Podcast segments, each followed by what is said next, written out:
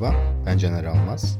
Yazı hariç podcast serisinin 13. bölümünde dinlemektesiniz. Bu haftaki bölümde biraz yazarı için sancılı bir süreç olan anlatım dilinin belirlenmesi ve bunun yaşattığı sorunlar üzerine bir şeyler söylemek niyetindeyim. Konumuzun başlığı bize bu hikayeyi kim anlatıyor? Bir kitabı okurken dinlediğimiz hikayeyi bize karakter mi anlatmaktadır yoksa yazar mı? Bu sorular üzerine düşünüp cevaplar bulmaya çalışacağız. Umarım benimle beraber düşünür ve kendinize cevaplar bulursunuz. O zaman çayınızı kahvenizi aldıysanız yavaş yavaş konumuza giriş yapalım. Başlarken şunu söylemek istiyorum. Bu bölümde anlattıklarımın, daha doğrusu podcast'in bölümlerinde dillendirdiğim meselelerin akademik bir doğruluğu olduğunu iddia etmiyorum. Sadece kendi düşüncelerimi paylaşıyorum kendi deneyimlerim üzerinden yaşadıklarımı anlatma gayreti taşıyorum ve bu bölümde de buna devam edeceğim. Konuya bir okur olarak baktığımda şöyle düşünüyorum. Bu konu yani kitabın anlatıcısı çok düşünülen bir nokta değil çoğunlukla.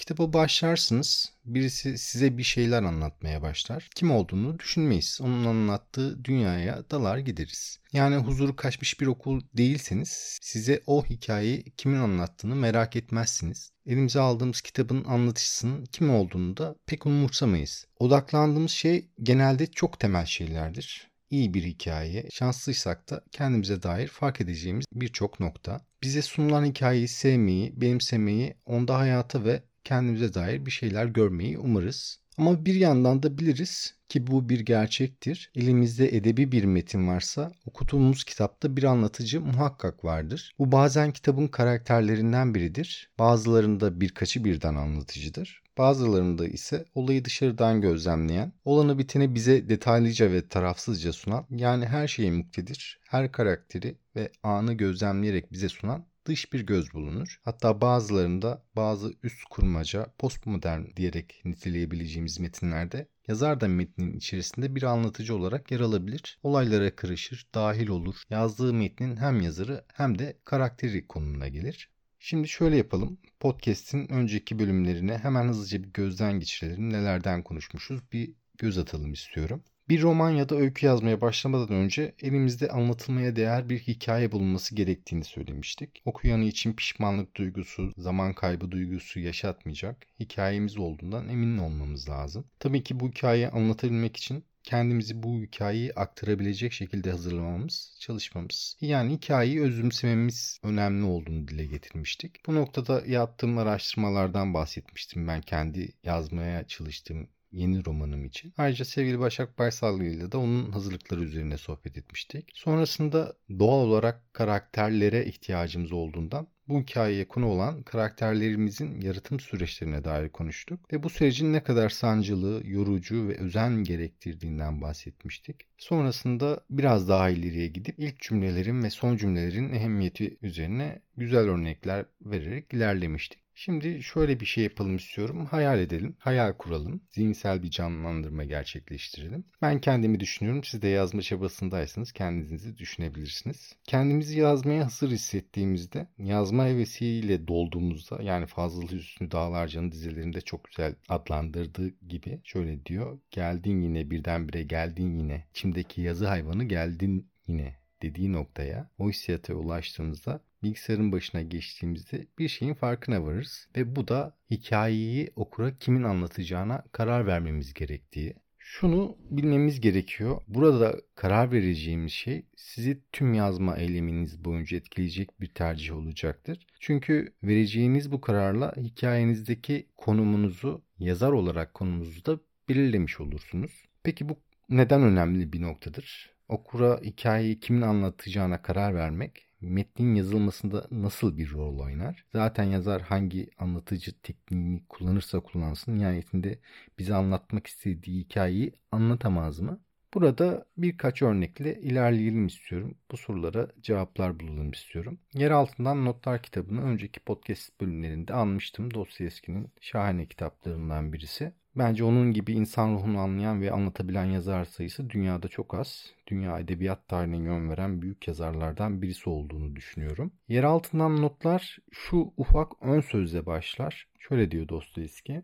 Bu notlarda bunların yazarı da besbelli hayal ürünüdür. Bununla birlikte toplumumuzun durumunu yapısını göz önüne alacak olursak bu notların yazarı gibi kişilerin aramızda bulunmamasının yalnızca mümkün değil aynı zamanda zorunlu olduğunu kabul ederiz. Benim bütün isteğim pek yakın bir zaman öncesinin tiplerinden birini herkesin göz önüne daha açık olarak sermektir. Bu tip henüz tükenmemiş kuşağın bir temsilcisidir. Yeraltı adını verdiğimiz bölümde bu kişi kendisini düşüncelerini açıklamakta sanki bununla toplumumuzda niçin bulunduğunu, bulunmasının neden kaçınılmaz olduğunu söylemek istemektedir. İkinci bölüm ise bu kişinin yaşamında birkaç olayı anlatan gerçek anılardır.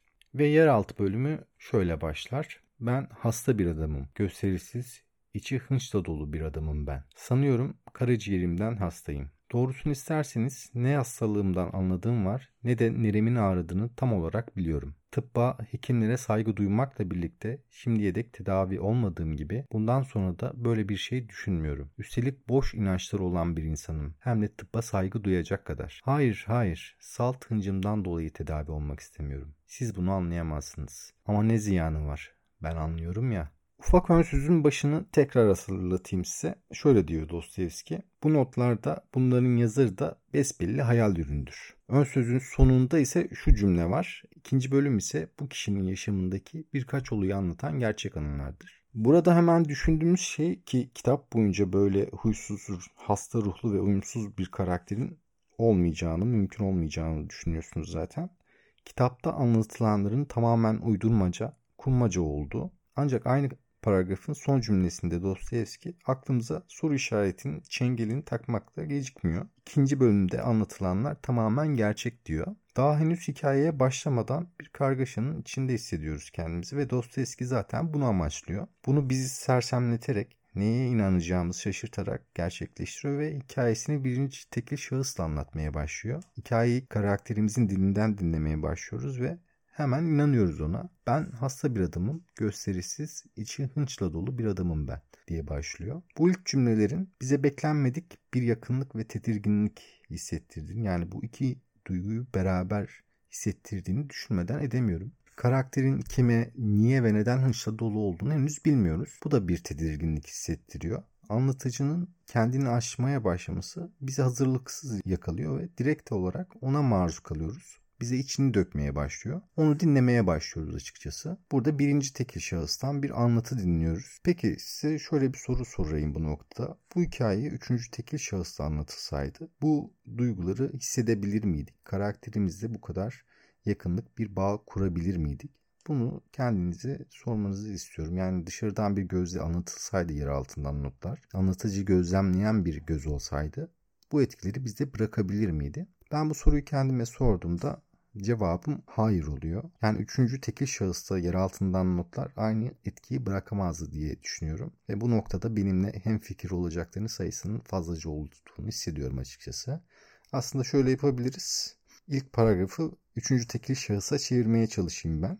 Şöyle olurdu sanırım yani üçüncü tekil şahısta yazılsaydı. Hasta bir adamdı, gösterisizdi, içi hınçla dolu bir adamdı. Sanıyordu ki karaciğerinden hastaydı. Doğrusunu isterseniz ne hastalığından anladığı ne de neresinin ağrıdığını tam olarak bilmiyordu. Tıbba hekimlere saygı duymakla birlikte şimdiye dek tedavi olmadığı gibi bundan sonra da böyle bir düşüncesi yoktu gibi bir şey oluyordu ve bence Dostoyevski'nin vermek istediği duygudan bizi oldukça uzaklaştıran soyut bir anlatı. Gerçi Dostoyevski bunu bu şekilde yazmış olsaydı, yazmak isteseydi daha doğrusu başka bir anlatı da ortaya çıkabilirdi. Şu an bir varsayım üzerinden konuşuyoruz. Örnekleme yapmaya çalıştım. Umarım yerinde bir örnekleme olmuştur. Burada şunu söyleyeyim. Birinci tekil şahıs anlatışının en etkili yanının bizim karakterlerle bağ kurmamızı sağlaması olduğunu düşünüyorum. Ben yaşamakları yazmaya karar verdiğimde anlatmak istediğim hikayenin okuyucuya geçmesini istediğim duygunun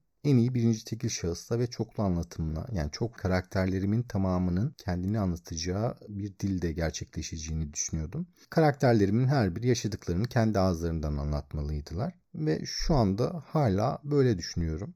Farklı bir anlatıcı tekniği uygulamayı deneseydim hikayemi tam olarak anlatamayacağımı düşünüyorum. Belki de bu benim yeteneksizliğim bilemiyorum. Bu da bir öz eleştiri olarak burada dursun söylemiş olayım. Buradan birinci tekil şahıs anlatıcısı en doğru anlatım şeklidir manası çıksın istemem.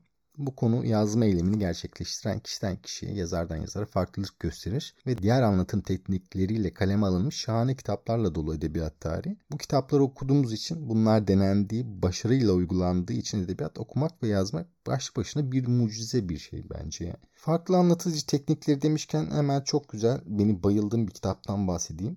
Öyle devam edelim. George Perek'in Uyan Adam romanı fevkalade güzel bir kitap. Muhakkak okumanızı isterim. Burada kendime bir ufak varyansın edeyim bu arada. 13 bölüm kayıt yapmışım ama bir kere bile Perek adını almamışım. Çok severim kendisini çünkü. Yazma çabasını, denemelerinin, eserlerini çok severim. Burada kendimi de paylamış olayım. Uyan Adam'da anlatıcı aslında direkt olarak kendisiyle konuşur. Siz metni okurken anlatıcının kendisiyle mi konuştuğundan yoksa bize mi seslendiğinden tam olarak emin olamazsınız. Yani ikinci tekil şahısta yazılmış bir kitap Uyuyan Adam ve benim gerçekten okuduğumda etkilendiğim bu teknikte metinler denemekten kendimi alamadım ve yapılmasının ne kadar zor olduğunu gördüğüm bir teknik. Başarılı örneklerini okuduğunda insan gerçekten etkilenmeden duramıyor ve deneyimlemek istiyorsunuz, yapmaya çalışıyorsunuz. Başarısız oluyorsunuz. Hemen kitaptan bir alıntıyla demek istediğimi sizlere aktarmak istiyorum. Şöyle diyor Perek kitabının bir bölümünde. Bir gözden başka bir şey değilsin. Kocaman ve sabit bir göz. Her şeyi gören, yığılan vücudunu olduğu kadar seni de, bakan, bakılan seni de gören, sanki yuvasında tamamen ters dönmüş de hiçbir şey demeden seni seyrediyormuş gibi seni, senin içini, karanlık, boş, su yeşili, korkmuş, güçsüz içini. Sana bakıyor ve seni olduğun yere çiviliyor. Kendini görmeyi hep sürdüreceksin. Hiçbir şey yapamazsın, kendinden kaçamazsın, kendi bakışından kaçamazsın. Hiçbir zaman bunu yapamayacaksın. Hiçbir sarsıntının, hiçbir seslenmenin, hiçbir yanın seni uyandıramayacağı kadar derin uyumayı başarsan bile bu göz hep olacak. Senin gözün hiç kapanmayacak, hiç uyumayacak olan gözün. Kendini görüyorsun. Kendini gören kendini görüyorsun. Sana bakan sana bakıyorsun.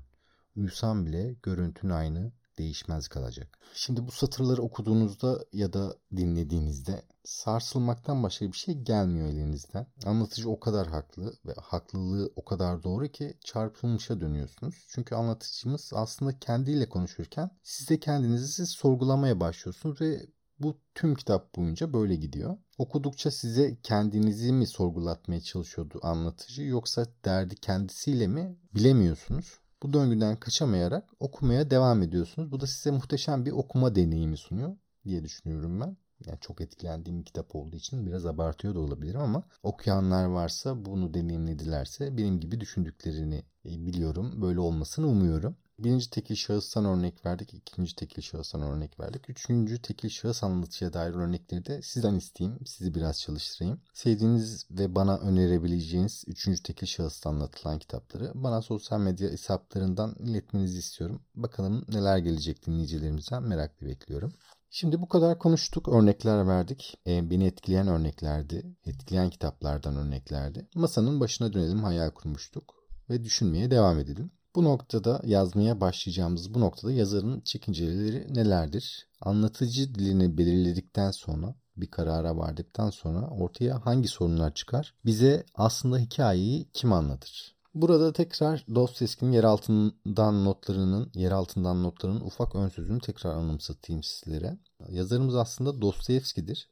Bu apacık bir gerçek. Ancak Ön sözde bu notların sahibi ve yazarının gerçek olmadığını söylemişti hatırlarsınız. Yani burada aslında kendisini de yok etmeyi, okurunun aklından çıkarmayı, tamamen metinle baş başa bırakmayı amaçlıyor ve bunu eyleme geçirme işini en başta yapıyor. Çok zekice bir hamle olarak görüyorum ben bunu ki kendisinin bazı romanlarında özellikle ilk romanlarında okuyucuya direkt olarak hitap ettiği kitapları var böyle satırları var hatırlıyorum. İnsancıklardaydı yanlış hatırlamıyorsam. Sevgili okuyucum, değerli zamanı bana ayıran okuyucularımız gibi seslenmelerde bulunuyordu. Metnin gözlemcisi, avarisi, anlatıcısı, gören gözü, detaylandıran ve bunu oturup kağıdın başına yazan kişi yazar mıdır? Yoksa anlatıcısı karakter midir? Yazar metnini yazmaya başladığında kendini karakterlerinden gören gözden ne kadar soyutlayabilir? Karakterlerinin duyguları, düşünceleri, gördükleri ve yaşadıklarında yeri ne yoğunluktadır? Gördüğünüz gibi hala çok fazla sorumuz var ve sorularımız giderek birikiyor. Cevaplanması gereken, çoğaltılabileceğini düşündüğüm sorular hala önümüzde duruyor. Ben bu konu için bir kılavuz kaynaktan faydalandım ve bir sonraki bölümde yani bu konuyu devam ettirmeyi planladım bir sonraki bölümde. Bu kitabın üzerinden ilerleyerek devam etmek istiyorum. Kaynak kitabım James Wood'un Kurmaca Nasıl İşler isimli kitabı. Merak edenler için podcast'in açıklama kısmına kitabın linkini bırakacağım. inceleyebilirler. Bu bölümü burada sonlandıralım ve sonraki bölümde konu üzerine sorularıma cevaplar bulmaya, beraberce düşünmeye devam edelim. Her bölümün sonunda yaptığım gibi ufak bir ricada bulunarak veda edeyim sizlere. Bölüme dair düşüncelerinizi ve varsa iletmek istediğiniz soruları sosyal medya hesaplarım üzerinden bana iletebilirsiniz. Bölümü sevdiyseniz paylaşabilir, sevdiklerinizin, dostlarınızın da haberdar olmalarını sağlayabilirsiniz. Bu beni mutlu eder. Beni dinlediğiniz ve zaman ayırdığınız için teşekkür ederim. Bir sonraki bölümde görüşmek dileğiyle. Hoşçakalın.